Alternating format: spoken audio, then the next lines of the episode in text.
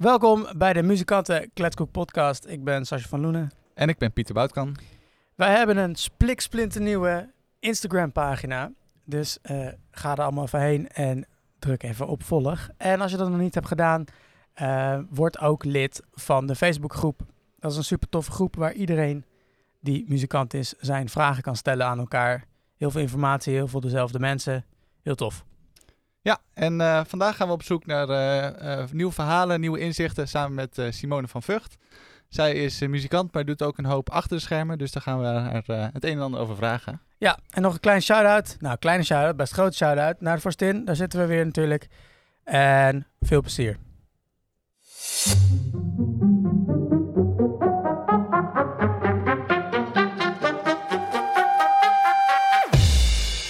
Nou, welkom bij de podcast. Ja, dankjewel. Uh, nou, superleuk dat je er bent. Kun jij een beetje, ja, gewoon vertel, vertel even wat je doet, wat je gedaan hebt, waar je heen wil. wow, grote vraag gelijk. Um, mijn naam is Simone van Vught.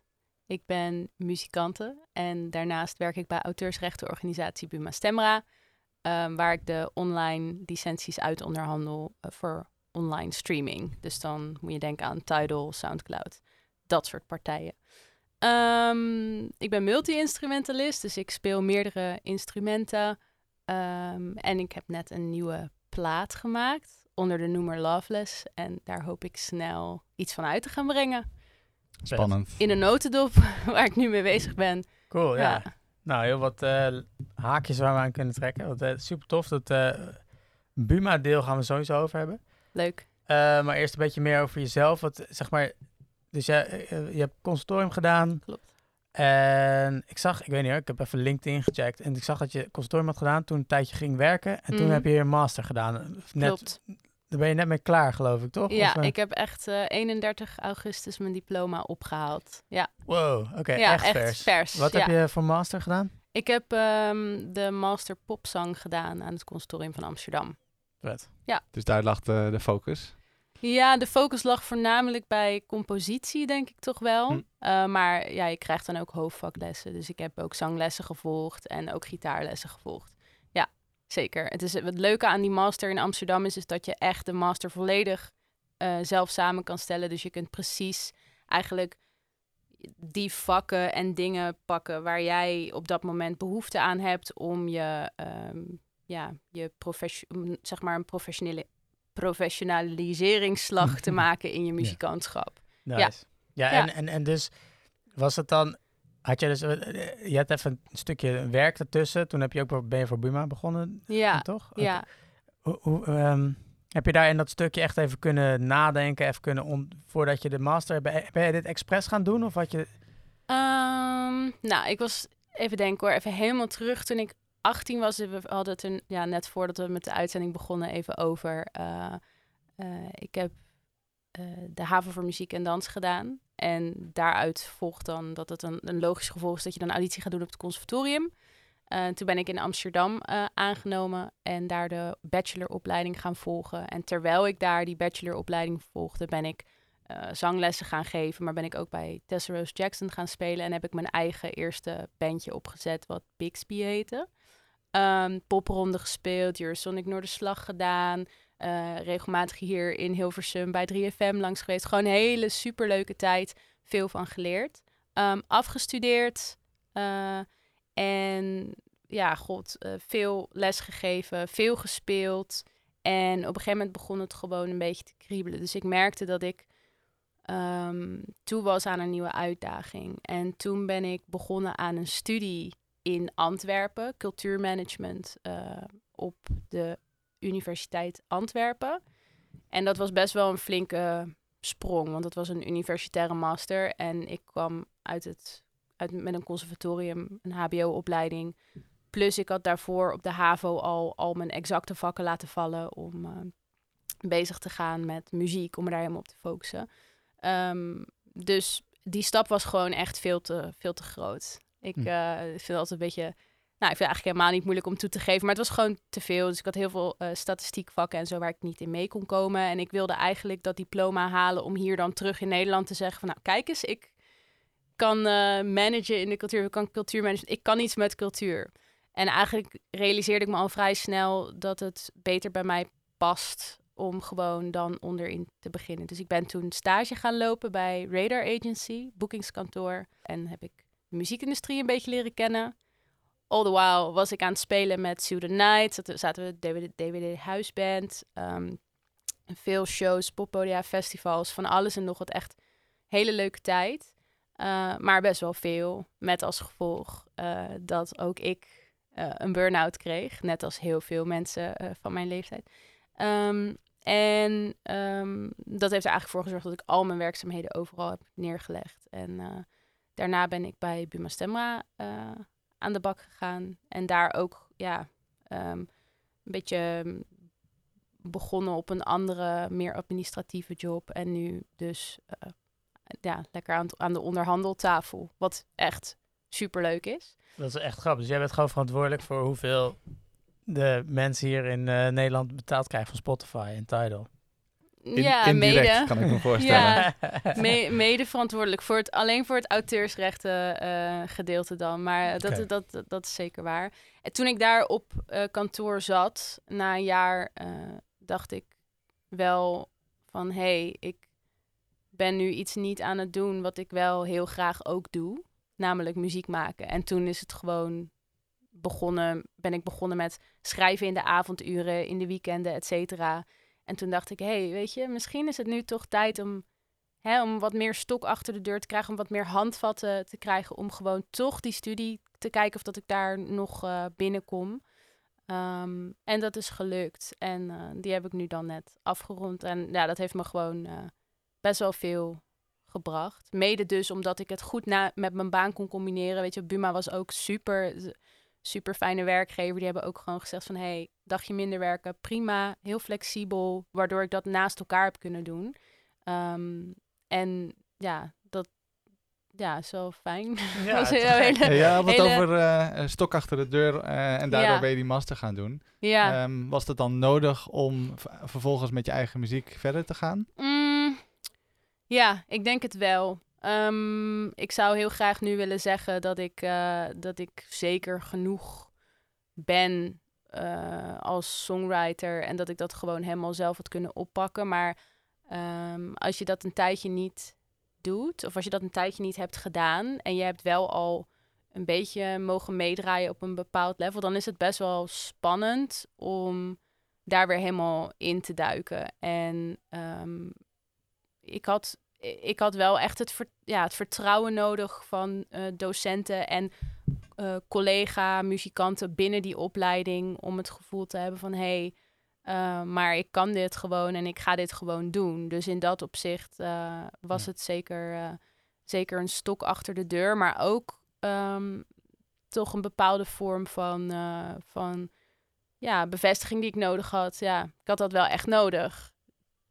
Ja, dat, ja. ja. En Oké, okay, dus ja, dus het is was echt een beetje meer een uh, van, oké, okay, ik wil dat heel graag. En dit was een mooie manier om te beginnen daar weer mee.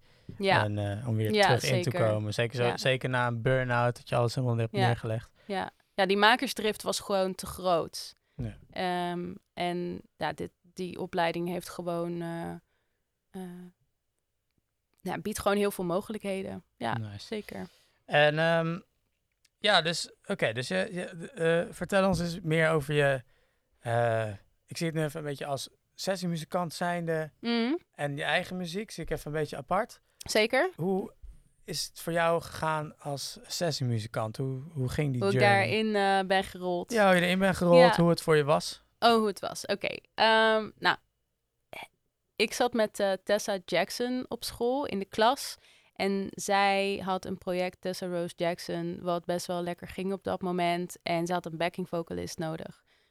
Dus ze vroeg mij. En toen stond ik met twee lege handen op het podium. En muzikanten in die band hebben mij steeds meer gemotiveerd van ja, je kan best wel een toetsenpartijtje spelen. Nee, je kan best wel melodisch percussie spelen. Je kan best wel een shakertje of een tamboerijntje. En ik was daar zelf altijd heel huiverig in. Ik dacht ook, oh, weet niet of dat ik dat kan. Maar ik heb daar, daar het vertrouwen gekregen om dat ook te doen. Um, uh, dus dat was echt, ja, sessiewerk, maar wel met gewoon ja, veel, veel repeteren. Echt, echt een leuke tijd. Um, En eh, daarna dus inderdaad bij, uh, bij Night. Ja. Later ook in die multi, eh, multi-instrumentalist rol gestapt. Ook echt op, op sessiebasis wel. Welke Ehm. instrumenten heb je dan allemaal voorbij zien komen? Ehm, even denken hoor. Ehm, bij Tessa was het veel melodisch per- percussie ehm, en toetsen. Af en toe een partijtje. Het kwam ook wel eens voor dat de bassist dan een keertje niet kon. En dan stond ik een liedje of twee te bassen. Er werd gewoon heel veel geroteerd binnen die band met, met instrumenten. Eh, wat heel, ja, gewoon een, een vuur. Weet je wel, dan kun je echt proberen. Dat was Ja. altijd heel leuk. En bij, bij Sue eh, heel, veel, heel veel SPD, heel veel samples. Ehm, zowel analoge als digitale eh, keys. En melodisch percussie, maar ook... Ik had op een gegeven moment ook een snare en een floortom staan. Eh, dus echt eh, van alles en nog wat. En, Ja. en hoe ging dat voor je? Dus ehm, laten we zeggen, je zei dat je uiteindelijk een burn-out krijgt. Dat is natuurlijk, Ja. dat, had dit hier ermee te maken? Of was dat... eh, Je bedoelt dat meerdere instrumenten spelen? Of nee, gewoon het- het, sessiemuzikant. eh, Ah. Ehm, nou, op dat moment werkte ik vier dagen in de week eh, als boeker. En dat, was, dat is dan natuurlijk niet... Dat is vier, we- eh, vier dagen op papier. Maar eh, ik was ook drie, vier avonden in de week de hort op... om bands te scouten.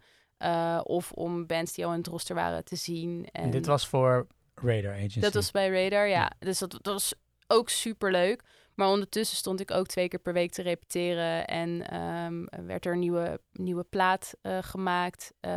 En toen kwam ook nog De Wereld Draait Door huisband erbij. Dus dat was iedere maand best wel een...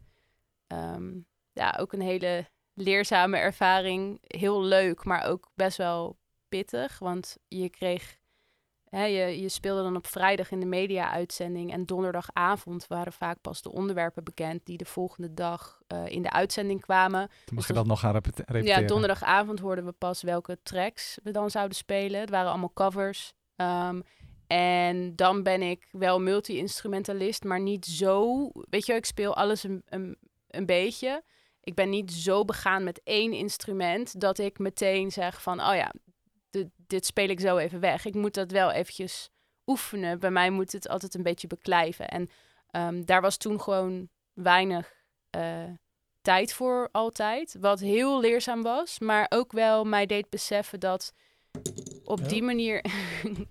op die manier, ehm, ja, sessiemuzikant zijn, dat dat niet iets is wat een, een, een vatbare carrière voor de lange termijn voor mij Hm. zou zijn. Dus ik vind het heel vet om met een band, zeg maar, om in die bijrol eh, ehm, te spelen en maar wel met terug, gewoon hetzelfde terugkerende repertoire en dat uit te bouwen, zeg maar. Ehm, eh, dat is iets wat veel meer bij mij past. Al heb ik daar ook wel van besloten, daar ook wel weer een beetje afstand van te nemen. Ja. Ehm, maar dat, deed ik dus, na, dat, dat, die dingen deed ik naast elkaar. En ehm, toen de tijd had ik dat niet zo in de gaten, dat dat te veel was. Want het was allemaal leuk. En maar leuke dingen kosten ook vet veel energie, weet je wel. Ehm, ik had eigenlijk pas door hoeveel ik werkte in die periode. Toen ik twee jaar later eh, mijn eh, uren, je moet dan je urencriterium halen voor je ZZP-bedrijf. ik kreeg daar controle op en ik was gewoon 32 uur in loondienst. En je moet dan 24 uur per eh, week aan je eigen praktijk nog spenderen. Ehm, en ik heb toen, geloof ik, halverwege het jaar een burn-out gekregen. Dus ik dacht, oh shit, ik heb de helft van het jaar niet gewerkt. En kom ik wel aan, de, aan die uren? En toen ging ik dat uitzoeken. En toen kwam ik echt dagen tegen dat ik de hele dag, de hele dag op kantoor. En dan in de auto snel een krentenbol. En dan de hele avond repeteren. En dan de volgende dag de hele dag de wereld draait door. En dan de volgende dag, de, weet je wel, een show. En ehm het zijn allemaal superleuke dingen. Maar als je een show speelt in eh, Maastricht of zo, of in Groningen... eh, dan ben je ook gewoon 13, 14 uur op een dag onderweg en bezig, weet je wel. Dus ehm, ja, toen ik Dus je had dat... genoeg uren. Dat- Ja, ik had zeker genoeg uren. Zelfs met maar, eh, wat is het, zeven maanden of zo. En toen dacht ik wel van, jeetje, dit, is, dit was gewoon echt niet handig. En eh, jammer dat ik het zelf niet, eh, niet door had. Eh, Ja, ik probeer altijd niet op een negatieve manier op terug te kijken op die burn-out. Ik probeer het altijd te zien als een periode in mijn leven waar ik gewoon heel veel van geleerd heb. Want Ja. dit is niet iets wat ik nog een keer zal meemaken. Ik kan Ja. nu veel beter bedenken van oké, ik moet gewoon mijn rust pakken. En heel af en toe, weet je wel, ook ik maak daar nog wel eens even een foutje in soms. Maar dan weet je dat, nou ja, goed. Nice. Ja, zeker. Ja, maar er zijn dus ook mensen die waarschijnlijk eh, eh, ook enorm veel doen, alles tegelijk. Ehm, Is dat dan iets wat je mensen aanraadt? Of is dat eh, Wat iets zou je wat- tegen die mensen zeggen? Mm, ehm, dus wat ik tegen mensen wil zeggen die... veel- Hetzelfde doen wat jij hebt gedaan. Oh ja, die hetzelfde doen als wat ik heb gedaan. Nou, ehm, ik, ik- ja, op dit moment probeer ik, ik, weet ik veel. Er zijn van die hele stomme dingen als eh, genoeg slapen, gezond eten, niet roken, eh, niet te veel drinken. Weet je wel, je kunt ook prima een keer een alcoholvrij biertje drinken als je, als je bij een show staat of zo door de week. Ehm, maar gewoon op tijd ook aangeven bij je omgeving, denk ik. Van hé, eh, het is even tot hier en niet verder. En je gewoon echt realiseren dat de wereld gewoon doordraait. Ook als jij even thuis op de bank eh, offline bent. Weet je als je even met een boekje op de bank zit. En eh, ehm, ik denk dat het het meest rock'n'roll... Je bent voor mij het meest rock'n'roll als je gewoon ook durft te zeggen van... hey, dit is, ik heb, dit is een grens voor mij. Eh, vanavond ga ik wel even lekker om tien uur naar bed. En morgenochtend dan ben je de eerste die, die ik weer bel of zo. Maar vandaag ben ik gewoon even niet beschikbaar. Ik vind dat veel toffer dan, eh, dan ja, gewoon maar door blijven lopen. En dus ook niet overal echt kunnen zijn. Weet je wel, je bent dan continu bezig met wat er morgen moet. Of na deze afspraak.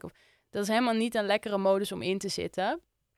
Ehm, dus mijn advies zou zijn, is gewoon niet, niet bang zijn om af en toe ergens ook nee tegen te zeggen. Ja, zeker. Mooi, mooi advies. Ja, zeker. Hey, ehm, eh, je hebt natuurlijk wat eh, ehm, bij eh, Postcards van Mars, Night als sessie eh, Mhm. gedaan. Maar uiteindelijk heb je ook eh, meegeholpen bij sommige projecten, toch? In het eh, schrijfproces, of had ik dat niet goed begrepen? Mm, bij Tessa Jackson niet. Die had gewoon heel erg duidelijk al haar plaat klaar. En dat was ook ehm, heel helder wat dan te doen. Eh, bij Night, eh, Suus is gewoon, die schrijft gewoon het overgrote deel van het repertoire echt zelf. Die nam wel het repertoire mee, eh, de repetitieruimte in, om verschillende dingen te proberen in bandsetting. En dan, ja, dan, tenminste, dan, dan voeg je wel hopelijk iets toe. ik hoop het. Nee, volgens mij, eh, dat was, ja, was ook heel, heel leuk om te doen. Een heel ander proces is dat dan bijvoorbeeld, waar we het net over hadden, ehm, ehm, vanuit productie werken en echt grinden met jezelf eh, aan de slag gaan en al die partijen al helemaal vastpinnen. Ehm, ik weet niet precies hoe Suus haar schrijfproces daar ook alweer aan vooraf ging, maar die maakte zelf ook wel echt dingen al thuis en die nam dat dan mee de repetitieruimte in. En ze werkte ook samen met de producer, die ook gitarist was in, in die band. Eh, dus dat ja, ging dan zo. En dan, ehm, nou, soms dan belden ze mij. En dan zei ze, hey, kun je even koortje komen inzingen? En dan kwam ik even wat koortjes inzingen. En dan eh, dat was echt superleuk, ja. Hoe, en hoe staat dat dan tegenover je eigen werk? Hoe, is dat heel anders? Mm, dat schrijfproces of Ja. dat werk? Ik bedoel, hoe, hoe gaat dat? Want dit is dan dat je echt... Ja. Ik vind het toch meer een beetje een, eh, een laten we zeggen, een supportive rol, Ja, ja, ja. rol die je hebt gedaan. in Ja, ja, ja, ja.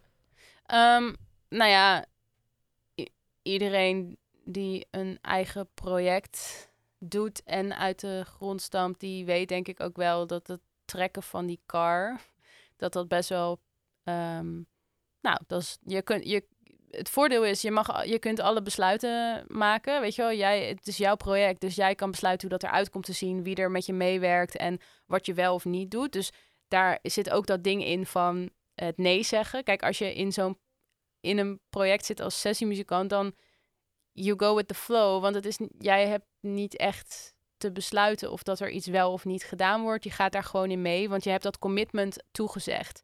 Ehm, wat heel, weet je wel, wat je ook op plekken brengt ehm, die nieuw zijn en voor, ja, voor creatieve input of zo weet je, zorgen. Mhm. Ehm, als je zelf een project trekt, kun je zelf besluiten, zo, zo wil ik het aanpakken. Hier zeg ik ja tegen, hier zeg ik nee tegen. Eh, en dat is natuurlijk in je compositie ook zo. Dus ik heb ehm, met andere projecten uh, waar ik dan meer als een vijfde of een vierde van een, een, een band uh, in zat. Heb, bijvoorbeeld in, de in mijn conservatoriumtijd daarvoor of nog voordat ik op het conservatorium zat. Ja, dan ben je ook gewoon soms muzikaal concessies aan het maken. Dan sta je echt met elkaar in een repetitieruimte en dan vind jij iets vet wat iemand anders totaal niet vet vindt. En de bassist vindt er weer iets anders van. En dan, nou, dan soms laat je het even beklijven. En, maar je maakt dan ook muzikaal wel concessies. En wat ik nu zo chill vind aan het project waar ik nu aan heb gewerkt, dat ik daar gewoon geen één concessie heb hoeven doen op muzikaal gebied. Dus alles wat ik wilde proberen en wat ik wilde maken, um, dat heeft zijn plekje gevonden um, binnen die compositie, omdat ik dat daar wilde hebben, zeg maar. En dat is, dat, dat voelt wel heel, ik vind dat wel goed voelen. Maar je moet daarmee dus ook wel een bepaalde verantwoordelijkheid nemen. En ik merk nu, nu dat het af is, moet ik dat moet ik daarmee de boer op en dan moet ik mensen dat gaan laten horen. En dan is dat dus ook wel echt heel spannend. Want ik kan tegen niemand meer zeggen dan ja, ja, die zangmelodie daar of dat, dat baslijntje daar, het idee van de bassist, ja, was ik het ook niet helemaal mee eens. Maar ja, hè, concessies, je bent een band. Dat is dus niet meer. Iedere keuze die gemaakt is, die heb ik gemaakt. Dus als iemand het niet vet vindt, dan vindt iemand het niet vet. En heb ik het bedacht. En um, niet dat ik daar mega vat, vatbaar voor ben. Uh, maar het maakt het wel extra spannend om dat naar buiten te brengen. Geen, uh, je kan nergens meer achter verschuilen. Nee, nee, nee. Het is helemaal you. Ja. Ja. ja. Doet het dan ook meer pijn als, uh, als iemand het niet zo tof vindt... dan mm. als je bijvoorbeeld met, een, met z'n vijf in een band zit? Nee. Nee, want het, het voordeel daarvan is... maar ik, ja, ik weet niet of dat... Ja, het, het voordeel van iets maken waar jij 100% controle over hebt... is dus dat het echt van jou is. Dus um, ik sta daar helemaal achter. En ik heb lang genoeg de tijd gehad met het materiaal, uh, meerdere versies van tracks gemaakt. Um, om uiteindelijk te komen tot wat het nu is. En daar sta ik gewoon helemaal achter. Uh, wat het ook makkelijker juist weer maakt op, als mensen zeggen, nou, ik vind het niet vet. Want dan kan je gewoon zeggen, oké, nou ja, dat is helemaal prima, weet je wel. Um, we hebben niet allemaal dezelfde muzieksmaak of niet, weet je wel, van niet iedereen uh, gaat van hetzelfde aan. En dat hoeft ook helemaal niet. Volgens mij is dat heel, volgens mij is dat juist heel goed. Ja. Um, ik vind het juist heel fijn als mensen heel eerlijk tegen mij durven te zeggen. Kijk, ik bedoel, je hoeft iemand niet af, je hoeft iemand niet af te fakkelen of zo. Maar ik vind het zelf moeilijker als iemand tegen mij gaat zeggen van, wow, echt super vet, dat was echt super goed maar het eigenlijk niet vindt. Ik heb dan liever gewoon dat iemand zegt van, ja, het is niet helemaal mijn ding. Dit en dit kan ik wel horen dat het, uh, dat het misschien goed is gemaakt. Of ik vind iets van de instrumentatie of wat dan ook. Um, als iemand zeg maar goed kan onderbouwen richting jou van, nou ja, mm, dit of dat is gewoon niet helemaal mijn ding, daar en daar en daarom. Uh, of ik vind dit en dit niet zo goed om die en die reden. Want daar heb ik als maker, zou ik wat aan kunnen hebben. Kijk, of ik er vervolgens iets mee doe, is een dat ligt bij mij. Maar dat vind ik veel, dat heeft veel meer waarde. Want dan, dan iemand die dat durft te zeggen tegen iemand, die gunt iemand anders ook zijn groei of zo. Uh, niet iedereen zit daar altijd op te, op te wachten. Dus je moet er ook wel weer voorzichtig mee zijn in, oké, wie, weet je wel, wie zegt dat tegen wie? Ja, maar... dat, vind, dat vind ik grappig dat je het zegt, want wij doen hier eigenlijk normaal ook een uh, demo-rubriek. Mm. Uh, dit keer hebben we dat niet.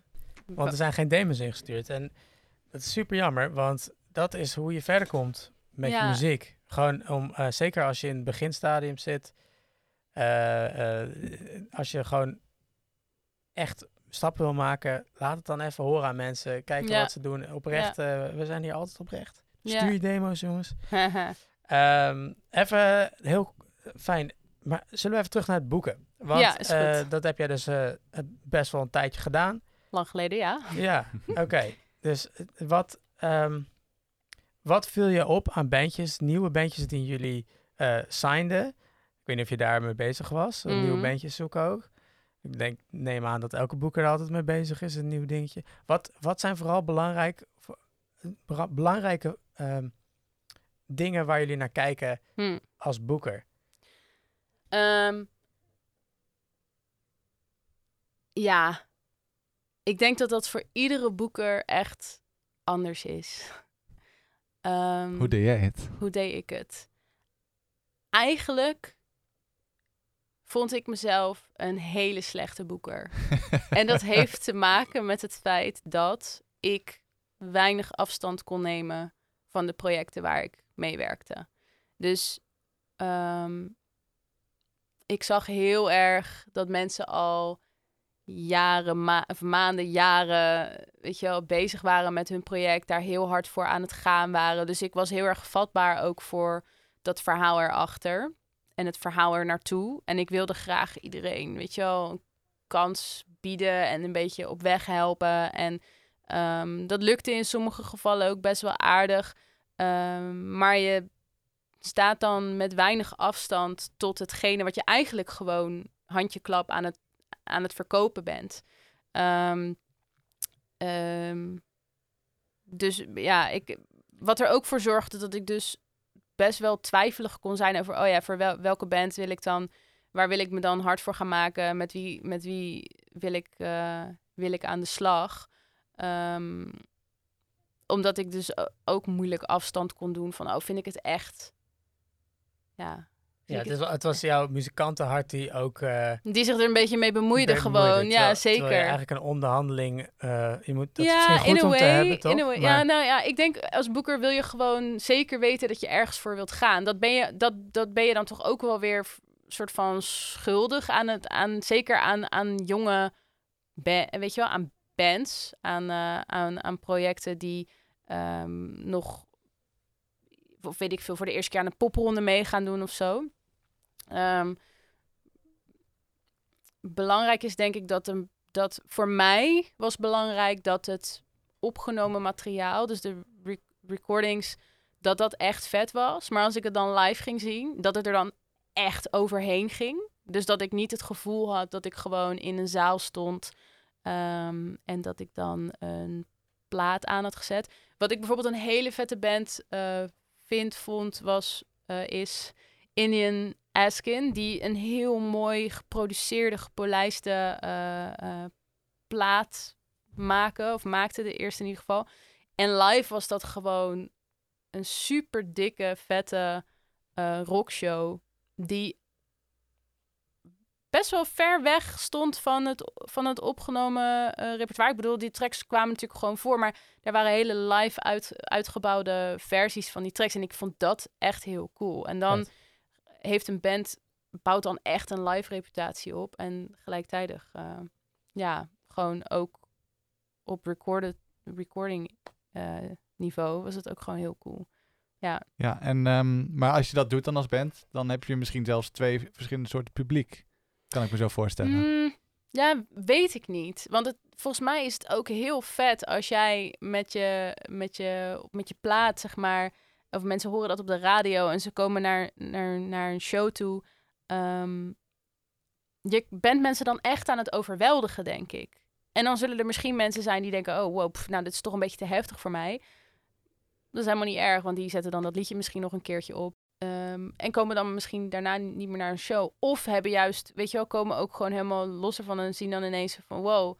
Oh, ik vind het eigenlijk helemaal te gek. Dat je het overdondert me heel erg. En ehm, dat, ehm, daar was ik- daar, dat vond ik altijd wel heel Ja. belangrijk, ja. Cool. Ik wilde echt, ja, geraakt. Ik wilde echt geraakt worden in dat moment. En ehm, ja, En had het dan ook te maken met dat zij misschien al iets externs hadden of zo? Of al misschien nog een following? Of, Ja, dat eh, weet ik, eigenlijk niet, weet ik eigenlijk niet zo goed. Ik, ik noem gewoon dit specifieke voorbeeld omdat ik echt zelf gewoon uit eh, even in mijn geheugen te gaan van oké, wanneer heb ik dat nou echt ervaren? En dat was toen met, met, met hen. Eh, ik heb hun verder niet, ik heb verder niks met hun ge- geboekt of gedaan of wat dan ook. Eh, ik heb Tamino bijvoorbeeld wel geboekt, helemaal in het begin, voordat, het helemaal, voordat hij helemaal eh, groot werd. Ja, ik weet niet of je dat wel eens live hebt Ik gezien. heb eh, op Maar- Lowlands gezien. Ja. Ja, geweldig. Precies. Nou ja, dat, tof. dat, dat dan, volgens mij de eerste keer dat ik dat zag, was in een ergens in een klein cafeetje, de Nieuwe Anita in Amsterdam. En toen dacht ik echt, wat is dit? Ik vond dat zo fantastisch. Ik dacht, ja, ik moet het, moet, dan, ja, ja, zeker. Dus het moet echt, het moet raken of zo. Ja. Eh, dat- vind ik veel belangrijker dan bijvoorbeeld heel goed ehm, spel. Ik vind het bijvoorbeeld zelf ook heel leuk om naar bands te kijken die ehm,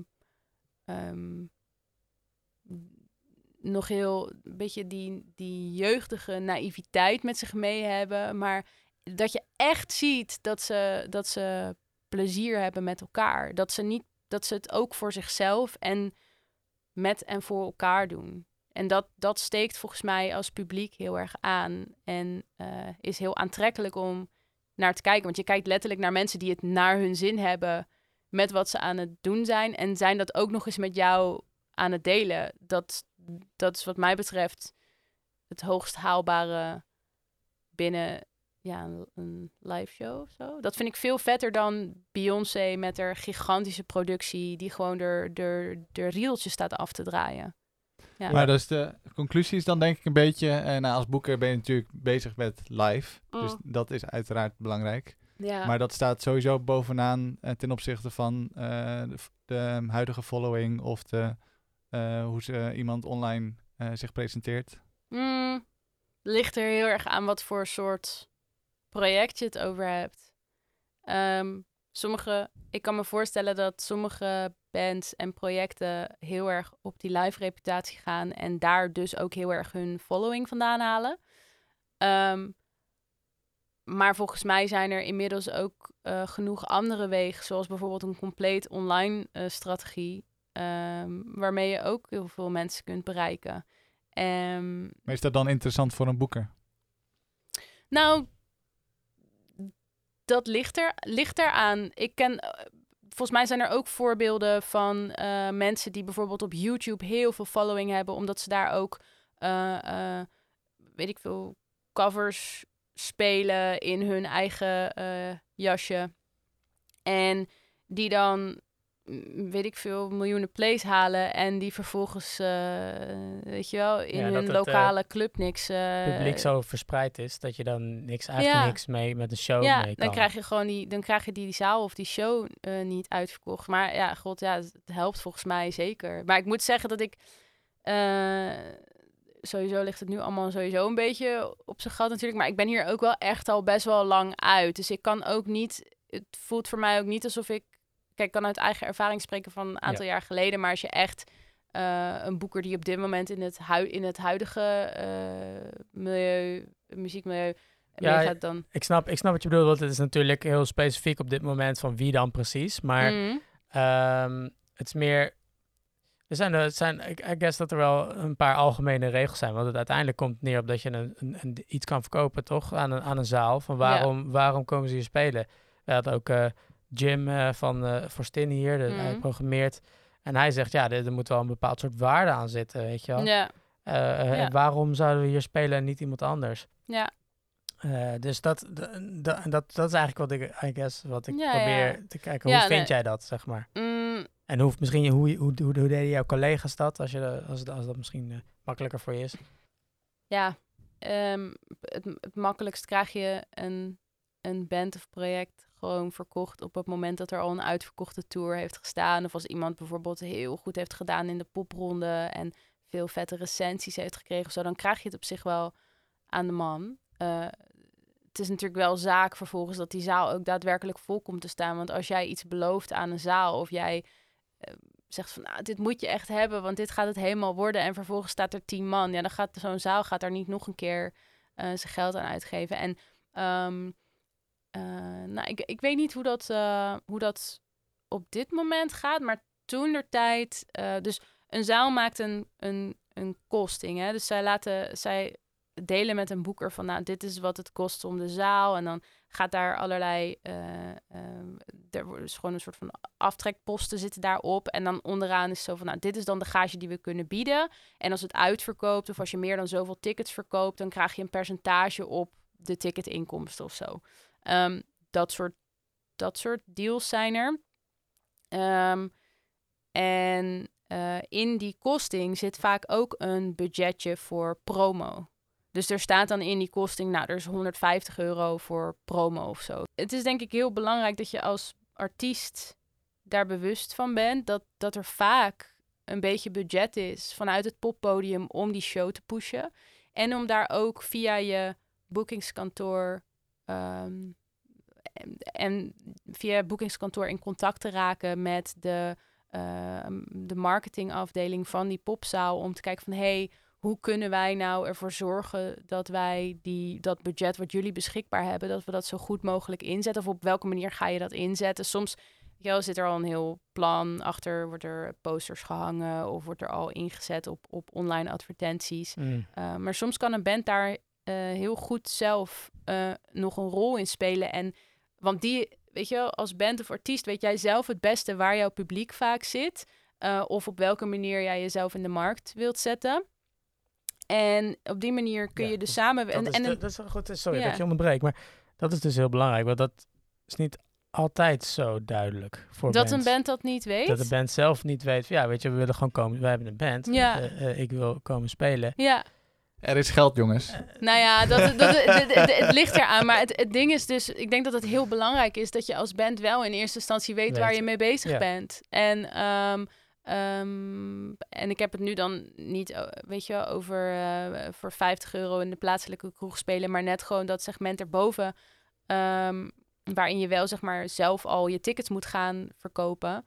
Ehm, ja, dan lijkt het me wel heel logisch. Maar ja, dat is meestal als je dan met een boeken werkt, dan is dat ook wel zo. Dat je wel ongeveer weet waar je nu staat, waar je heen wilt, welk publiek je wilt bereiken, welk publiek je al bereikt. En ja, Ja. Dus Dan het kun is je goed om dus- je niche te weten. ja. Want dan krijg je ook boekers die in die niche wat voor je Ja, eh, zeker, voor zeker. elkaar kunnen Ja. doen. Boekers. Dus dat, heb- dat, dat, dat heb je dan een tijdje, een tijdje geleden gedaan. Mm. Maar je bent dus nu veel meer bezig met, met Buma. Mm. Waarom eh, zou een artiest eh, zich eh, moeten inschrijven in Buma? Waarom zou een artiest... ehm, Nou, een artiest hoeft zich niet per se in te schrijven bij Buma. Ehm, maar de componist is belangrijk. En vaak zie je dat een band of een artiest gedeeltelijk zijn of haar repertoire zelf schrijft. En dan is het nodig om bij Buma Stemra eh, lid te worden. Of nou ja, dan zou je lid kunnen worden bij Buma Stemra. Om ervoor te zorgen dat Buma Stemra voor jou eh, ja, auteursrechten vertegenwoordigt. En dat doen, ze dan bij, doen we dan bij zowel op, op radio en televisie. Hè. Dus als je daar gedraaid wordt, dan collecteren we daar je auteursrechten.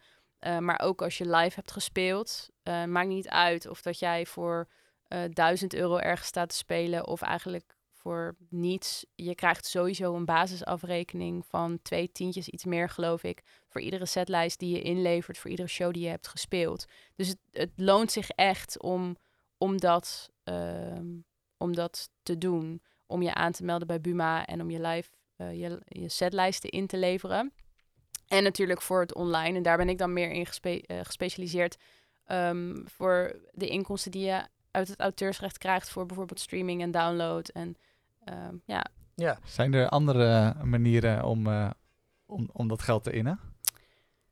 Nou ja, je mag best zelf eh 3FM bellen. eh, maar ik denk niet dat je, dan, eh, dat je dan een heel eind komt. De reden dat Buma Stemra er is... Buma Stemra is ook echt een vereniging. Hè? Dus ehm, in 1913 uit mijn hoofd... Zoiets, nou goed, iets in die, iets in die tijd eh, opgericht... ehm, door componisten eh, zelf. eh, om gezamenlijk, zeg maar eh, naar, dit, naar, naar de mediapartijen toe te kunnen stappen om te zeggen van hé, hey, eh, ja, of toen de tijd natuurlijk voornamelijk voor de live uitvoering, om, sa om samen op te kunnen trekken in dat te kunnen collecteren. En ja. inmiddels zijn er 30.000 leden bij, bij Buma. Het is heel, ja, wij kunnen wel naar 3FM en naar de, naar, weet je wel, naar de NPO en eh, naar Spotify om eh, te zeggen van hey, zullen wij even een afspraak maken voor al Ja. die eh, mensen die. want het is wettelijk geregeld dat je dus bepaalde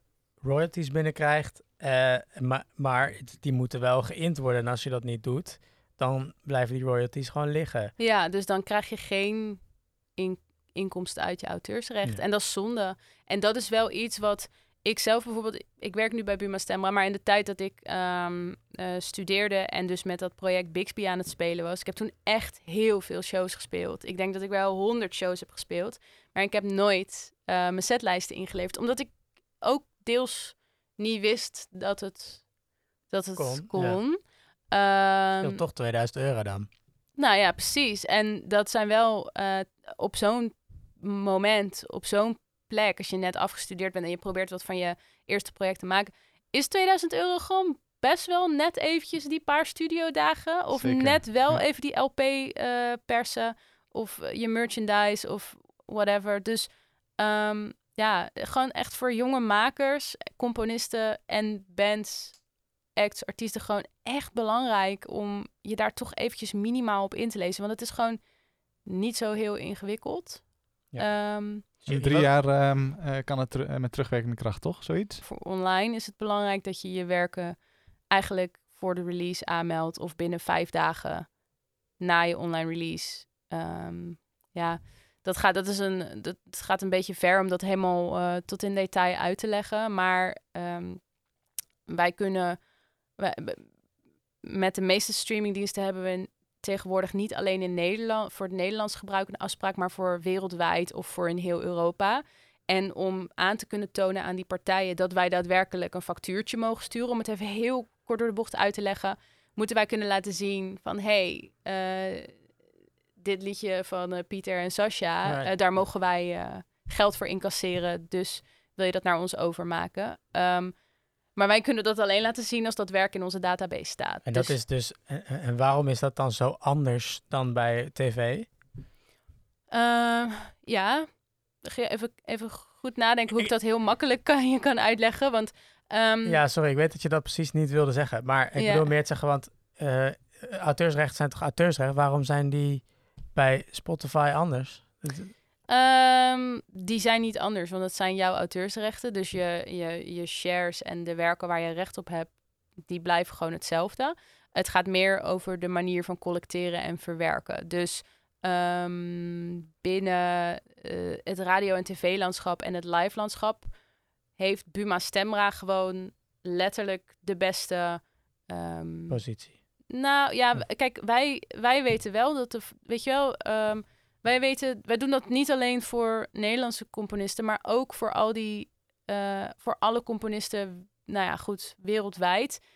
Waarvan, die zijn weer bij hun eigen Buma Stemra in hun eigen land aangesloten. Daar hebben wij dan weer een overeenkomst mee. Dus wij vertegenwoordigen ook dat. Dus als hier een band uit Duitsland komt spelen, um, dan is het, weet je, Buma Stemra heeft een makkelijker, uh, makkelijker toegang tot het Nederlandse uh, poppodia-netwerk dan dat de GEMA, dat is de Duitse um, Buma, de Duitse Buma, dat die met de vorstin, uh, waar we nu zijn trouwens, uh, um, ja, in correspondentie moet, weet je wel. Dus veel makkelijker dat wij dat doen. Um, en hetzelfde geldt voor, nou ja, de radio en tv. Stel je voor dat de, dat de GEMA, dat die dat wereldwijd met al die radiostations en, en al die poppodia moet doen. Dat is helemaal geen beginnen aan. Dus dat gebeurt op lokaal niveau. En Buma zorgt er dan voor dat voor die Duitse band die hier dan heeft gespeeld, dat dat geld dan naar de GEMA gaat. En GEMA zorgt ervoor, die heeft dan, weet je, zo gaat dat zo.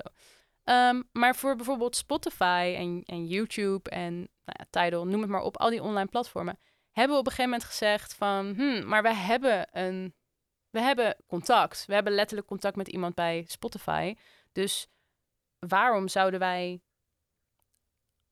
alleen voor waarom zouden wij alleen al het gebruik in Nederland collecteren? Waarom zouden wij alleen hier in Nederland uh, de streams die hier hebben plaatsgevonden voor, hè, voor uh, Spaanse makers, voor um, Engelse makers, waarom zouden wij dat hier allemaal collecteren?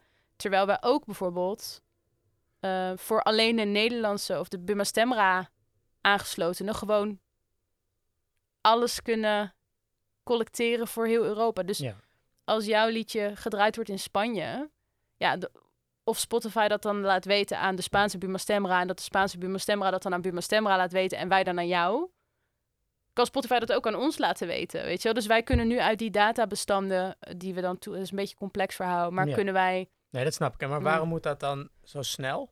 En van tevoren in plaats van bij alle andere dingen kan je gewoon zeggen, nou, dit, hey, dat was mijn liedje, die is toen en toen gespeeld.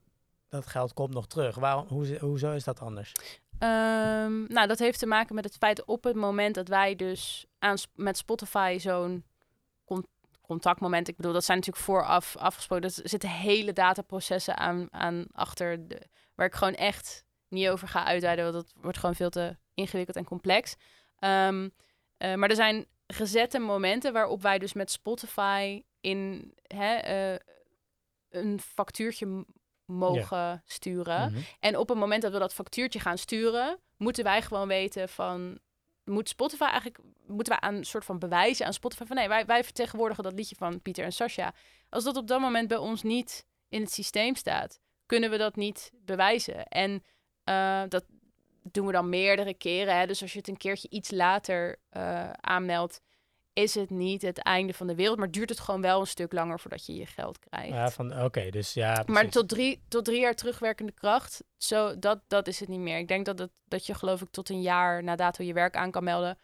Maar dan duurt het dus heel lang voordat je je geld krijgt. Dus ik probeer altijd een beetje. Uh, van tevoren. Ja, echt mensen en, en, en componisten motiveren van hey, zorg er gewoon voor dat je je werk aanmeldt op het moment dat het gereleased wordt, dan kan het sowieso niet fout gaan. En dan heb je ook gewoon binnen negen maanden geld okay. ervoor. Vet. En um, je had het al over buitenland. Dus um, ik meld me aan in Nederland. Ja. En het wordt inderdaad een dikke hit in Tsjechië. Ja krijg ik dan via jullie? Is wat is handig? Is, eh, eh moet ik me, ben ik dan meteen al gedekt? Ja. Hoef ik me niet meer druk te maken over de hele wereld, de rest van de wereld? Nee, nee. Buma Stemra zorgt in, in principe voor het collecteren van al jouw auteursrechten um, wereldwijd. Of in ieder geval bij de, in, de, in de landen waar een, um, een, een wederkerigheidscontract is. Dus waar wij een overeenkomst hebben met de Tsjechische Buma Stemra in dat geval. Uit mijn hoofd weet ik even niet hoe die heet. Ja, heet, ja. In, in, laten we zeggen, gewoon landen als uh, die gewoon wel een, een, zo'n organisatie hebben en daar laten we ervan uitgaan dat dat dan allemaal goed ja, geregeld ja, ja. Um, uh, kan ik ook bijvoorbeeld zelf met de GEMA een, een, een, een uh, bij jullie zeggen van dat hoeven jullie niet te doen. Ik heb zelf een een, een Duitse connectie bij de Gemma, zeg maar. Volgens mij is dat in theorie gewoon uh, mogelijk. Ja, je kunt, je, ja. je kunt gewoon voor bepaalde territoria... Je kunt niet op werkniveau dingen uitsluiten. Dus niet, uh, je kunt niet bepaalde liedjes wel, bepaalde liedjes niet. Uh, maar je kunt wel... Nee, je moet als artiest zeggen... Oké, okay, je hoeft de Gemma, die regel ik zelf. En dan alle dingen van de Gemma, die van die artiest. Van die auteur. Van die auteur, ja. van het auteur-entiteit ja. ja, dus dat is hoofdelijk. Hè? Dus het kan dan zijn dat wij met z'n drie een liedje hebben geschreven. Dat jij zegt, oké, voor Duitsland hoef je het voor mij niet meer te collecteren. Oh ja, oké. Dan is het dus alleen jouw deeltje wat dan via de Duitse GEMA zou lopen. Oh ja. mijn advies zou zijn om dat niet te doen. En dat is niet omdat ik, omdat ik denk van, oh, ik ben zo pro Buma Stemma. Ik werk, ik werk daar natuurlijk gewoon, dus ik vind het heel fijn als iedereen gewoon lekker bij de Buma aangesloten blijft. Maar um, het is gewoon best wel veel je, je haalt jezelf nogal wat op de hals qua administratie. Ja, precies. Het is, het is gewoon veel, en dan is het heel chill dat er gewoon één partij is hier in Nederland die je ook gewoon, want dat is wel ook fijn aan Buma Stemmen. Je kunt Buma Stemmen gewoon redelijk makkelijk gewoon bellen. En dan, dan ja, krijg je alles uitgelegd en wordt er aan alle kanten geprobeerd om in ieder geval jou zo goed mogelijk te helpen. Um, dat is gewoon heel fijn, want ik weet niet, ik, ik, ik weet het niet.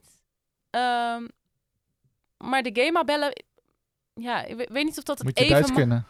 ja, nou, dat weet ik niet. Maar ik weet niet of het even makkelijk of dat het even snel uh, gericht is. En, en ik bedoel, ik kan me voorstellen dat er, uh, wat jullie hebben dan, hey, je betaalt wel lidmaatschap om aangesloten te zijn bij Buma. Mm, ja, je doet eenmalig betaal je uh, aansluitingskosten en je betaalt een bedrag um, per jaar. Ja, je hebt een soort jaarbijdrage, maar dat wordt geplusmint met je inkomsten. Uh, ook. En dan is er weer een soort van basisafrekening die iedereen krijgt. En dat is precies even hoog als jaar. Dus je betaalt eigenlijk alleen aansluitingskosten. En die uh, jaarlijkse bijdrage, die wordt gewoon geplusmint. Dus je betaalt daarna um, niets. Plusmint, wat houdt dat in? Is dat het afhalen en weer erop zetten op je rekening? Oh ja, precies. Dus, je moet eenmaal, oh ja. ja, ja, ja. Je betaalt eenmalig aansluitingskosten bij Buma Stemra. En, en je betaalt per jaar een bijdrage om lid te, lid te kunnen zijn van de, van de vereniging en de stichting. Ehm, Maar, dat wordt afgetrokken van het geld wat je binnenkrijgt. Dat wat je plus, binnenkrijgt. min. Ja. exact. En ja, je dus- krijgt ieder jaar sowieso een basisafrekening. Ongeacht of dat je iets hebt openbaar gemaakt. En die is precies ongeveer even hoog als. Ah, Oké. Snap je? Dus je, daarna betaal je. wow. Ja. Waarom is dat? Waarom? Nou ja, laat, laat, nee. Vergeet die vraag. Het auteursrecht is een honderd, dat is gewoon een 100% verdeler. En daarvan is maximaal een derde voor een publisher. En dan heb je een derde voor een tekstschrijver, een derde voor ehm, de componist. Ja. Eh, maar als jij, of nou, in het geval van bijvoorbeeld eh, veel van mijn liedjes, ben ik zelf op dit moment nog de publisher, want ik heb het niet weggetekend. Dus ik heb zelf mijn uitgeversrechten. Dus die een derde is voor mij. Ik ben zelf de tekstschrijver en zelf de componist. Dat betekent dat ik 100% eh, ja, van die de royalty... auteursrechten krijgt. Maar je hebt, wat je net al zei, is je hebt masters en je hebt auteursrechten. En die masterrechten zijn ook 100% van mij, want dat is iets wat de platenmaatschappijen bijvoorbeeld eh, eh, zouden kunnen vertegenwoordigen. Maar ik heb geen platenmaatschappij, dus die masterrechten die, die zijn bij mij. Dus eigenlijk op dit moment heb ik alle rechten in huis. Op dit moment is de inkomstenstroming die uit streaming voortkomt, ehm, ligt niet helemaal meer of ligt niet helemaal in lijn met de inkomsten die bijvoorbeeld voorheen kwamen uit CD-verkoop bijvoorbeeld. Dus ehm, een artiest houdt aan het einde van de rit minder over. Want de CD die hoef je maar één keer te kopen en die kun je zo vaak draaien als je wil. En Spotify. Ehm, Nou ja, de Mm. CD-verkoop er zijn natuurlijk waren heel veel van de inkomsten natuurlijk, CD-verkoop. Ja, en ik denk dat de, dat de prijs per stuk. Ja, god, dit is, zo'n, in- dit is zo ingewikkeld om hier echt, om dit echt zeg maar in heel kort eh, goed uitgelegd te krijgen. Eh, ik heb een, dat is misschien goed om te zeggen, ik heb een thesis geschreven over de online auteursrechtenketen ehm, van play tot pay. Dus dat gaat echt helemaal, ik ga wijd daar helemaal uit over ehm, vanaf het moment dat wij op onze telefoon op de play-knop drukken in Spotify of Apple Music of wherever. ehm, dan is er muziek, dan vindt er muziekgebruik plaats. En ik heb, weet je, we hebben een abonnementje op die, op die eh, streamingdiensten. En daar komt dus iets van een bedrag vrij. En dat geld dat reist door een bepaalde keten heen. Om uiteindelijk bij de auteur of Ja. bij de rec- eh, recording eh, eigenaar. Maar ik heb het echt toegespitst op auteursrecht, want dat is al, daar kan je al flink thesis over schrijven. Ja. Ehm, ehm, dus ik heb echt die, die hele keten uitgelegd. Van play tot het moment dat het bij iemand op de, op de bankrekening staat. Waar kunnen we, als voor de mensen die het interessant vinden, zouden die dat kunnen kijken? Vind je dat- kunnen die dat inzien? Ja, ja, ja. Ik heb hem gewoon op Academia eh, gedeeld. Het heet het, het, het online domein een muziekdemocratie. Hmm. Vraagteken. Oké. Ja. nice. Ja, en ehm, dus even terugkomend op mijn vraag van, eh, het, ik bedoel meer, het gaat meer over eerlijkheid en niet. Jij bent eh, onder andere in, eh, in onderhandeling met zo'n partij Mhm. en ehm, nou ja, dus ik heb zoiets van, ja, oké, mijn, mijn muziek is gedraaid op jullie platform. Ja, Dit is vastgelegd, weet je wel. Ja.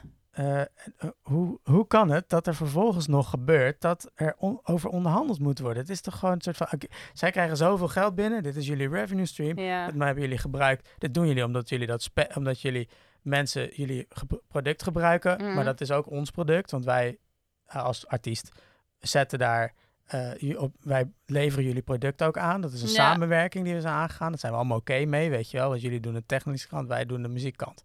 Maar, eh, nou ja, oh, zoals je weet, ik bedoel, er wordt ontzettend veel geld in verdiend. Mm.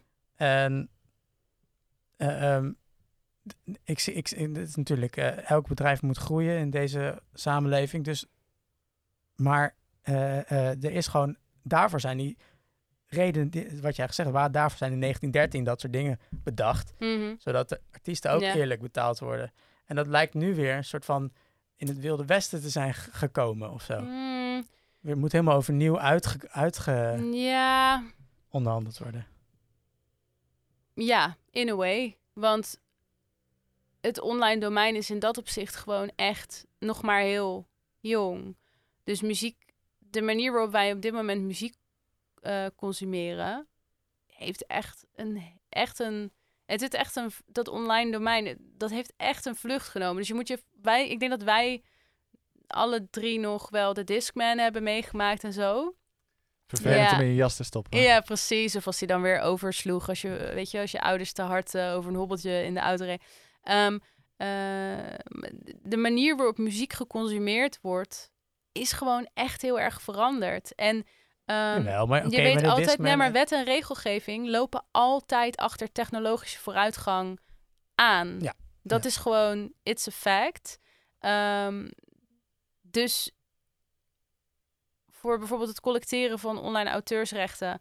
Nou ja, eh, ga bij, bij Buma Stemra kijken. In 2019 hadden we een omzet van 18 miljoen op die afdeling. Volgens mij zitten we nu over de 40 miljoen. Er is gewoon echt van alles gaande en nieuwe technologie. En ja. eh, ook het, het, het, het proces van bijvoorbeeld het matchen van die, die streams. Je hebt het echt over biljoenen streams. Over echt ja, en, eh, biljarden en nulletjes en eentjes. Wat Ja. allemaal eigenlijk... Weet je wel, dus miljarden de- gebruikers die er- elke maand... precies, er kan 10 van alles verkeerd... Er kan van alles fout gaan. Dus het, het is gewoon best nog wel onderhevig aan, eh, aan kinderziektes. Maar dat gaat gewoon, ja, dat gaat gewoon steeds beter. En ehm dat is voor mij dus heel, heel enerverend om die ontwikkeling van zo dichtbij mee te kunnen maken. En daar ook echt voor mijn gevoel ehm, een steentje in, in te kunnen mogen bijdragen. Ja. Ja. Zou het ooit kunnen dat als ehm, het hele online eh, domein uitgekristalliseerd is, komt vast wel weer wat nieuws, Mhm. maar stel dat eh, het uitgekristalliseerd is, dat er dan een ehm, eenmalige, misschien zelfs wereldwijde wet komt, eh, dat, dat, dat je nooit meer hoeft te onderhandelen? Ik hoop het. Dit is, zou echt te het, gek zijn. het gaat meer om, je kan best wel zo tegen met een eh, Spotify in, in, in gesprek gaan als grote artiest en zeggen van joh, oké, eh, exclusief bij jou.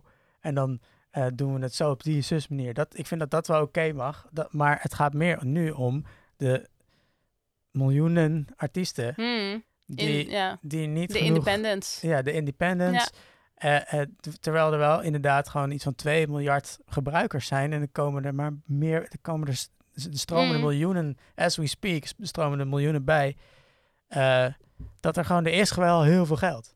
Uh, dus ik probeer me er in ieder geval iedere dag keihard voor te maken Ja. om, die, om die billijke vergoeding, zeg maar, echt te krijgen. En ik weet dat dit wel echt een onderwerp is wat ook speelt. Want de frustratie die jij nu hier deelt aan tafel, zo van, hé, dat- met, ja, daar, met diezelfde frustratie zit ik dus ook iedere dag Ja, achter mijn bureau ervoor te zorgen. Of nou ja, ik probeer een steentje bij te dragen om dat beter te maken. ja te gek. Ja, nee, sowieso. Ik, eh, dat, dat geloof ik helemaal. En eh, het is ook natuurlijk een, eh, een motor die je steeds meer fine-tuned en er steeds meer, Ja. natuurlijk Mhm. uit inderdaad wat je al zegt, het Mhm. gaat langzaam met de wet. Moet ik wel Ja, zeggen dat... Het is ook niet iets wat alleen in Nederland. Kijk, je kunt het in Nederland zo geregeld willen hebben, maar je moet je voor. Er zijn echt allerlei eh, committees op Ja. Europees niveau ook en zo. Mensen ja, die echt heel anders in met elkaar eh, hierover spreken om tegen de, pijn, de, de pijnpunten waar ze tegenaan lopen, waar we tegenaan lopen, om dat bespreekbaar te maken, om gezamenlijk te zorgen dat we ja, dat, dat, dat het beter en helderder en meer transparant wordt. Ja, nice. Dus iedere, iedere dag weer hopelijk een stapje dichterbij. Ja, te gek. Mooi, mooi. Ja, dus eh, nou, hopen dat het eh, sneller gaat dan de tijd die verstreken is sinds de eh Discman.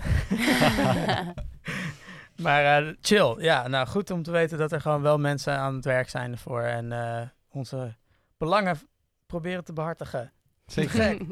Mooi. Ik denk dat we ehm, overgaan naar eh, wat eh, tips. Ja. Dan ehm, hebben we een aantal vragen en zijn we benieuwd naar jouw antwoord. Oké, nou kijk of dat ik, dat, eh, dat ik daar iets van toegevoegde waarde kan zeggen. Vast wel. Ehm, wat is het belangrijkste als artiest om succesvol te worden? Autonomie, dicht bij jezelf blijven. Want ik denk dat je vooral succesvol bent als jij aan het doen bent waar jij gelukkig van wordt.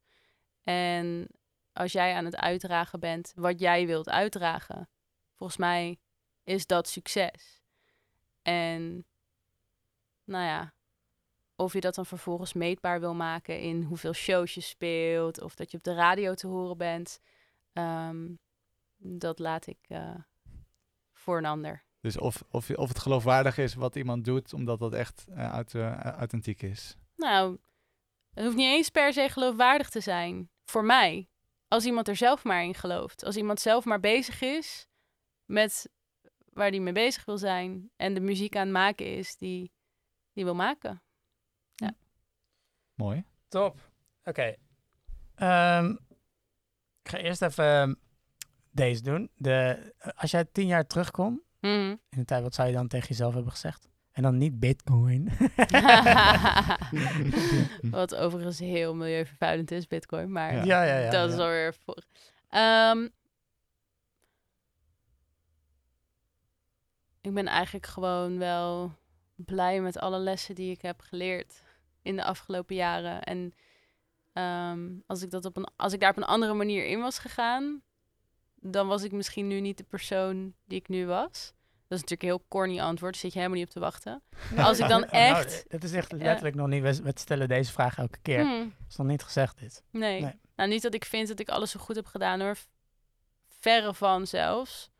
Uh, maar we hadden het net even over die burn-out. Ik had die burn-out absoluut niet willen missen.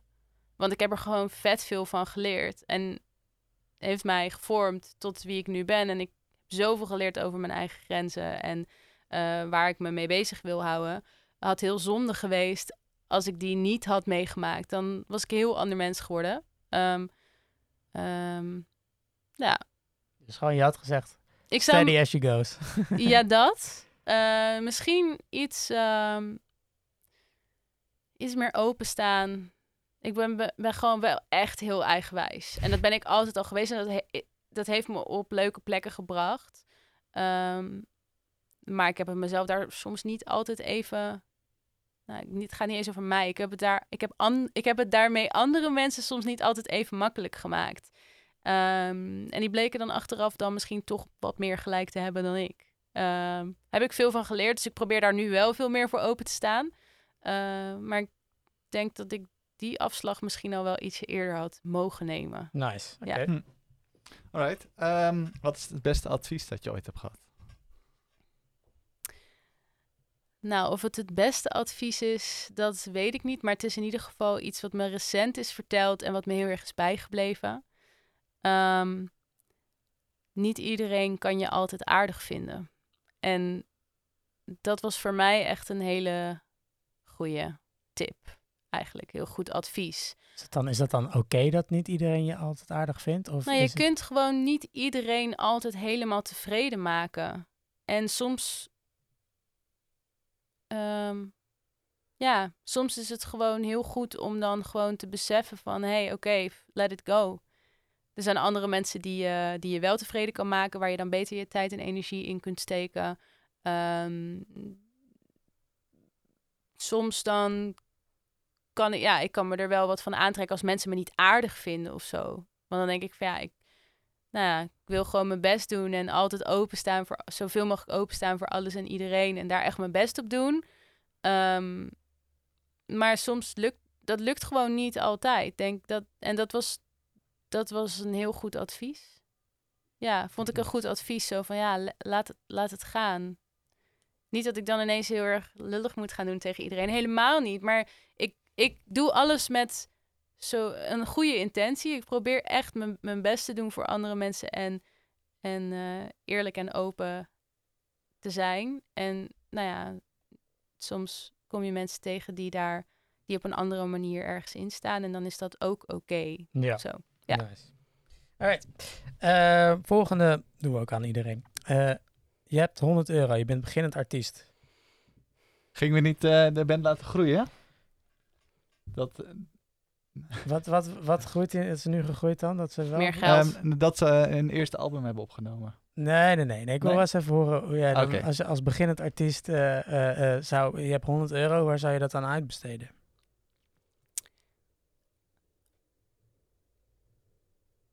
Beginnend artiest, oké. Okay. 100 euro. Een goede avond in de kroeg met een paar muzikanten die ik heel vet vind. waarmee ik graag eh, zou willen werken. Ehm, want laten we eerlijk zijn, met 100 euro kun je nog niet eens een beetje een fatsoenlijke gitaar of iets dergelijks kopen. En muziek gaat voor mij over het samen doen. Ehm, dus ik geloof dat ik die 100 euro volledig over de balk zou smijten aan eh, iets van een lekker biertje. Maar dan wel met mensen waarvan ik denk, Ja. hier wil ik, hier wil ik mee zijn. Of hier wil ik, een, weet je wel, om, om een klik te, te hebben. Het gaat natuurlijk ook niet na in één avond in de kroeg, maar it's a start. En Mhm. ehm, ik, je kunt meer met elkaar dan in je eentje. Dus dat, dat zou voor mij een goede investering van 100 euro zijn eh, als beginnend artiest, denk Ah, ik. Ja, leuk, eh, leuk antwoord. Ehm, zelfde vraag, maar dan met 1000 euro. Dan zeggen we dat ze wel hun eigen gitaar hebben. Oké. En repetitieruimte ook al? Een plek om Ja, te we- nee, ja, nee, ja, ik bedoel, je kan de Hmm. repetitieruimte daarvan Ja, huren, maar dat is niet eh, 1000 euro wa- eh, waard. Nee, precies. Eh, ik denk dat ik toch ehm, eh, dat zou investeren in een live video. Ik denk dat heel veel mensen zouden zeggen, nou, ga maar de lekker de studio in. Maar ik denk, ehm, als je echt 1000 euro hebt en je hebt eh, al een band en je, bent, je hebt al wat repertoire bedacht, echt investeren in een super vette live video. Want met die live video kun je dan de boer op om jezelf te kunnen verkopen bij, eh, bij nou ja, poppodia, eh, waar je misschien een voorprogramma wilt spelen of waar je een eigen show wilt doen of weet je wel, eh, bij een kroeg of en eh, dan ga je wat speelervaring opdoen en zorg je er op die manier voor dat het materiaal goed in de vingers komt, maar kun je ook een beetje following gaan eh, creëren. Ehm, Goeie investering, live video. ja. Maar, maar is een live video dan ook cameraatje neerzetten en multitrack eronder gooien en klaar? Of eh, Nou ja, als je 1000 euro hebt en eh, een paar enthousiastelingen, dan kun je en mensen nog gewoon een redelijk verre vergoeding betalen die dat met jou doen. En gewoon echt best wel iets vets eh, neerzetten. Zeker in de huidige tijd. Ik heb sinds eh, mijn zu- ik was laatst met mijn zussen op het terras en die hadden allemaal. die hadden allemaal zo'n nieuwe telefoon en ik zat daar met mijn iPhone 6, weet je wel. En toen dacht ik, oeh, ehm, misschien moet ik ook weer eens. Want ik, nou, ik zag die camera kwaliteit, dacht ik, wow. Maar die nieuwe iPhones bijvoorbeeld, als je dat gewoon hebt. Tegenwoordig heeft bijna iedereen wel echt, of in ieder geval één iemand van die band zal wel een goede eh, eh, smartphone hebben. Daar kom je best wel een eind mee al. Maar voor 1000 euro kun je ook wel gewoon echt even iemand vinden die gewoon echt eventjes werk ervan maakt Ja, voor jou. ja precies. Dat, en dan dat heb moet je echt, dat is zijn, echt, dat is echt, ik, me- in de tijd dat ik, ehm, dat ik boekte, eh, merkte ik gewoon dat het echt zoveel beter ging om een band ergens naar binnen te fietsen. Als ik gewoon kon zeggen, hier is een YouTube link met een vette show. En dan was gewoon, weet je dat kan, gewoon- je kunt gewoon een cameraman neerzetten bij een, een, een show die je misschien dan wel even met leuren zelf regelt. Ehm, of gewoon in je repetitieruimte of whatever. Maar voor 1000 euro moet dat wel lukken. Cool. Alright. Nou ja, ik, ik zou zeggen gaan ehm, hetzelfde, alleen dan 10.000. Dus echt een goed budgetje. Oké, 10.000 euro. Ehm, nou, het ligt, ligt heel erg aan wat voor soort project je hebt. Ehm plaat opnemen. En dan ben je er wel hoor. Dat kost al 10.000 Ja. euro. Doe je 10.000 euro. ja, Ja. plaat. Cool. Alright. dan hebben we nog een vraag. Als je ehm, iets op een reclamebord kan plaatsen, Mhm. ehm, wat zou dat dan zijn?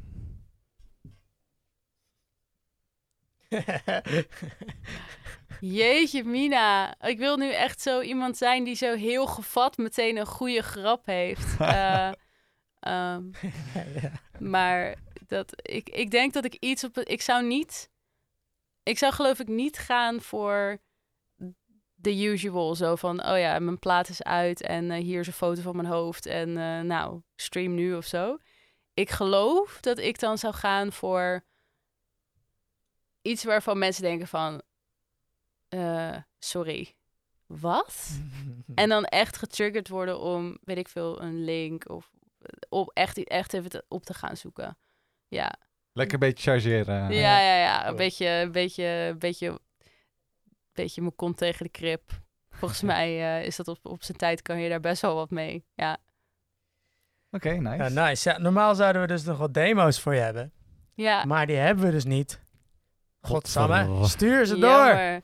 Ik vind het niet zo heel erg, omdat ik het gewoon al. Ik, ik vind het zo fijn als mensen gewoon muziek aan. Nou ja, ik, ik word steeds meer. Het klinkt allemaal heel, eh, heel zweverig en zo. Maar ik vind het gewoon echt heel fijn als mensen muziek maken. Ja. En, daar, en dat doen omdat dat goed voelt. En ehm, Nee, true, dat is waar. Daar, daar ben ik En geen mee waarde hechten aan meningen bedoel je?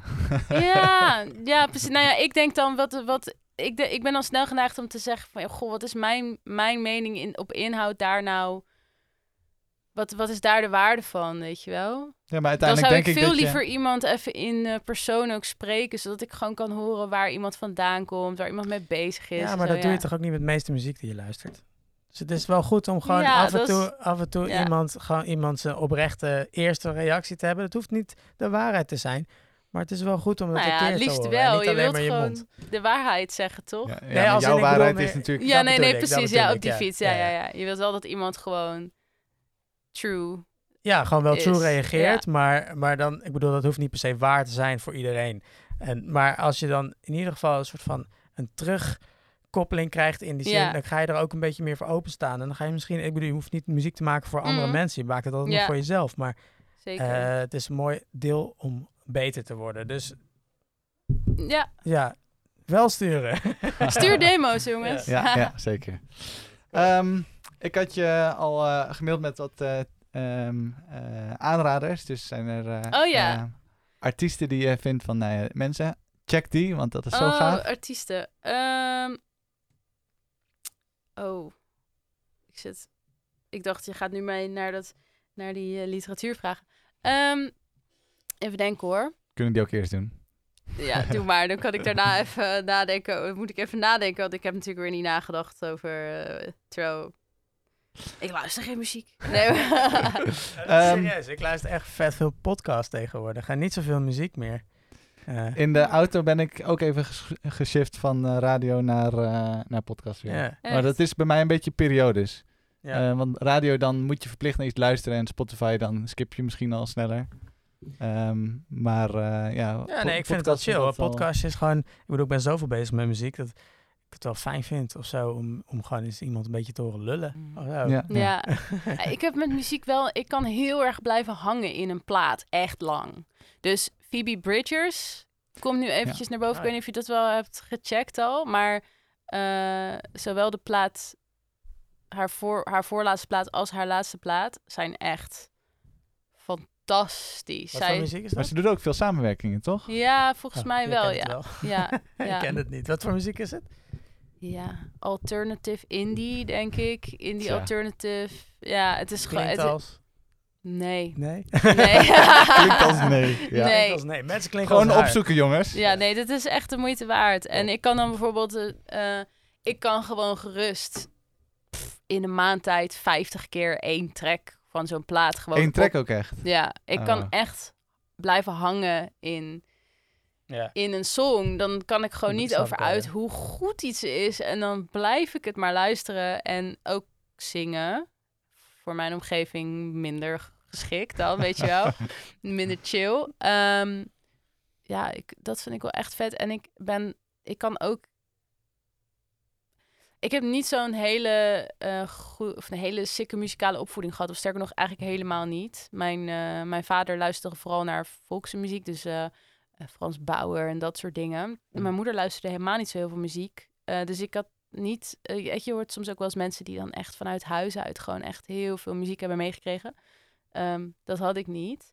En dat zorgt er ook wel voor dat ik nog relatief laat soms ineens een ontdekking kan doen. Bijvoorbeeld het album Blue van Ah, Joni Mitchell. dat ik weer daar kon zijn. Ik wou dat Ja, ik weer die dingen ja, kon ja, ontdekken weer. Gewoon. Maar dat is zo lekker. Dat, want dat, dit is dus de reactie die veel mensen hebben. Dat ik dan echt zo kan zijn van... Oh, die, die plaat van Luister Joni Die plaats van 225 jaar geleden. Moet je luisteren? Oh my god. Ja, precies. Nou, dat kan ik echt heel erg hebben. En Ja. dan kan iedereen zoiets hebben van... Yep, we know. Ja. Maar wat heerlijk dat jij het nu nog aan het ontdekken bent. Ehm, dus ja, ja, Awesome. ik ben wel een grinder wat dat betreft. Echt een plaatluisteraar en echt gewoon lang naar één plaats. Ja, maar het is toch ook vaak. heerlijk. Ik zet gewoon eh, heel vaak, eigenlijk als ik Spotify is het altijd gewoon een heel album. Mhm. Want dan ben je gewoon een klein uur of wat Mhm. dan ook. Zit je gewoon helemaal in een bepaalde Ja. sfeer, een bepaalde flow. En dat vind ik echt super lekker. Nou, ik vind het ook heel leuk als, eh, als mensen de moeite nemen, of eh, vaak als bands de moeite nemen om een, om een playlist te maken. Bijvoorbeeld, ik heb nu, je hebt Ciao Lucifer, hebben zo'n cooking playlist. En dat is Ah, gewoon perfect. Zij steken daar volgens mij best wel veel werk in om dat samen te stellen. En dan, ik ga dan helemaal lekker. Dat vind ik ook leuk. Ga je dan ook koken? Nou, tijdens het koken of tijdens het afwassen of denk tijdens niet, het ik denk niet dat op die manier cooking bedoeld werd, hoor. Oh, Niet? neem ik hem te letterlijk? Jawel, nee, jawel. Is het echt during cooking Ja. playlist? Ja, of is ja, het this, is, tijdens this het- is cooking? Als Nee, in, maar in tijdens de jazz cooking, Weet je wat het is? Dat is ook met, met de huidige tijd met Spotify. Er is zoveel mogelijk. Je kunt Ja. zoveel dingen luisteren. En soms heb ik gewoon echt dat ik denk... ehm, Oké, wat ga ik opzetten? En dan is het gewoon heel lekker dat iemand anders voor mij heeft bedacht... Oh, maar je gaat nu schoonmaken of koken? Nou, dan zet gewoon lekker dit playlistje aan. Dus dat Ja, is ja. voor eh, artiesten die ehm, niet alleen hun eigen muziek willen promoten. Maak playlistjes waar Dat is mensen wat mee kunnen superleuk. mee Ja, volgens doen. mij als je een beetje engagement hebt van mensen... eh, eh, dan vinden ze het ook heel leuk om te horen waar jij naar luistert en waar jij mee Ja, bezig en bent. jouw Dus- inspiraties. Ja, ja, ja zeker. Heel belangrijk. Zeker. Cool. Ehm, dan eh, de vraag over literatuur. Zijn er nog dingen die jij eh, hebt Zo, gele- ik zie een hele lijst staan op die Ja, telefoon. ik heb echt mijn best gedaan om daar even goed over na te denken. Vet. Ja, nice, ja. nice. Zal ik ze even, even snel... eh, Ja. Er doorheen. En zeggen we stop. Oké, goed zo. Nou, ik hou het gewoon heel kort. Ehm, er is één rapport, dat, heet van, dat is van het MMF, het Music Managers Forum. Dat heet Dissecting the Digital Dollar, the Song Royalty Guide. En ehm, daarin wordt echt heel duidelijk de complexiteit van, het, eh, van de royalty-keten uitgelegd. Ehm, en bijvoorbeeld een aantal van de vragen die jij net aan mij stelde, die ik dan in ja, een beetje Jip en Janneke probeerde uit te leggen, die worden daar eh, besproken en benoemd. Maar wat heel vet is aan dat rapport, is dat ze ook heel veel aanbevelingen doen aan de muziekindustrie om inderdaad en, en oproepen om het meer transparant en beter te maken. Dus het is niet alleen maar zo'n soort van eh, zo werkt het en het is eigenlijk niet zo heel chill, maar ook echt heel erg bezig met nee, zo kan het beter. Dus ik zou iedereen die in eh, de muziekindustrie werkt en met online streaming te maken heeft, dat is gewoon te gek om te lezen. En dat kun je bij het MMF de website. Kun je Ja, het, is wel, het is wel een, eh, het is geen eh, makkelijke stof. Nee, het is geen makkelijke stof, maar toch hebben ze wel hun best gedaan om het in ieder geval ehm, zo uit te schrijven dat het wel volgbaar is. Ja. Een beetje vergelijkbaar met eh, Everything About the Music Industry. Dat Mm. dikke pil. Nee, nee, het is echt een, een, een, een, een rapport. Dus een beetje thesis-like rapport. eh, wat echt puur gaat over de, de royalty-keten. En hè, black box money, geld wat blijft liggen. En hoe gaan we dat oplossen. Dat is heel leuk. Ehm, ik vind Cowboys en Indies, misschien ken je dat. Dat, gaat, dat is echt een, eh, gaat over de ontstaansgeschiedenis eh, van de recording-industrie in Amerika. Echt van de eerste, eh, de eerste LP tot eh, nu. cool. En daar worden allerlei mensen voor geïnterviewd. En super, super leuk geschreven. Het is een boek. Ja, het is een boek. Eh, het is e- ja, echt, echt een leuk boek om te lezen. Dan ga ik eens even kijken Ja. op Storytel of die daar staat. Ja. En dan eh, eh, ja, eh, Making Rumors van Ken Caled en Just Kids van Patti Smith. En Patti Smith, Just Kids, is wat mij betreft ieder eh muziekminnend persoon zou dat gelezen moeten hebben. Zij is zo'n waanzinnige artiest. Maar dit is een, een, ehm, een autobiografisch verhaal van hoe zij terechtkomt bij haar eerste show en de tijd die daaraan vooraf gaat. En gaat echt over autonomie en de makersdrift. Hm. En, en beschrijft haar leven zo, zo mooi geschreven. En Making Rumors, dat is vanuit het oogpunt van de engineer... eh, die bij het proces van het maken van Rumors van Fleetwood Mac eh, aanwezig was. Eh, dus dat is een lekker boek wat ook... eh, het gaat en over alle ja, rumors en juicy verhalen eromheen. Wat, wat sowieso een beetje om die band heen hing. Maar ook gewoon heel erg over, nou, we zijn gewoon een week bezig geweest. We hebben deze en deze, deze mics uitgeprobeerd. En we hebben nog steeds geen chille drum sound. En dat komt daar en daar en daardoor. Dus het is echt zo'n goede afwisseling tussen ehm, echt in-crowd terminologie versus gewoon goede tijden, slechte tijden shit. Ja, Mooi. ja. Ehm, ja, dat. Ja, hebben we ook eens wat boeken die worden aangeraden. Kijk. Meestal is het films of zo. Of, Mm, eh, of, ja. eh, vet. Heel cool. Ik eh, heb geen vragen meer. nee, eigenlijk. ik denk dat we er wel zo zijn. Alright. Super, super tof dat je langs bent gekomen. En eh, Ja. we hebben je hard aan de tand gevoeld. maar eh, we zijn er heel Nou, dankbaar voor. En ik denk dat ook de groep daar heel veel, wat aan, heel veel aan Nou, heeft. Ik Ja. hoop het. Ik hoop dat het eh, van enige toegevoegde waarde is geweest. Absoluut, en, eh, zeker, ja. Goed zo. Ik vond het heel leuk eh, dat jullie mij hier hebben uitgenodigd. En eh, lekker bezig met de podcast. Goed, Top. goed Ja, dankjewel. Right. Ja. Tot de volgende keer. Joep.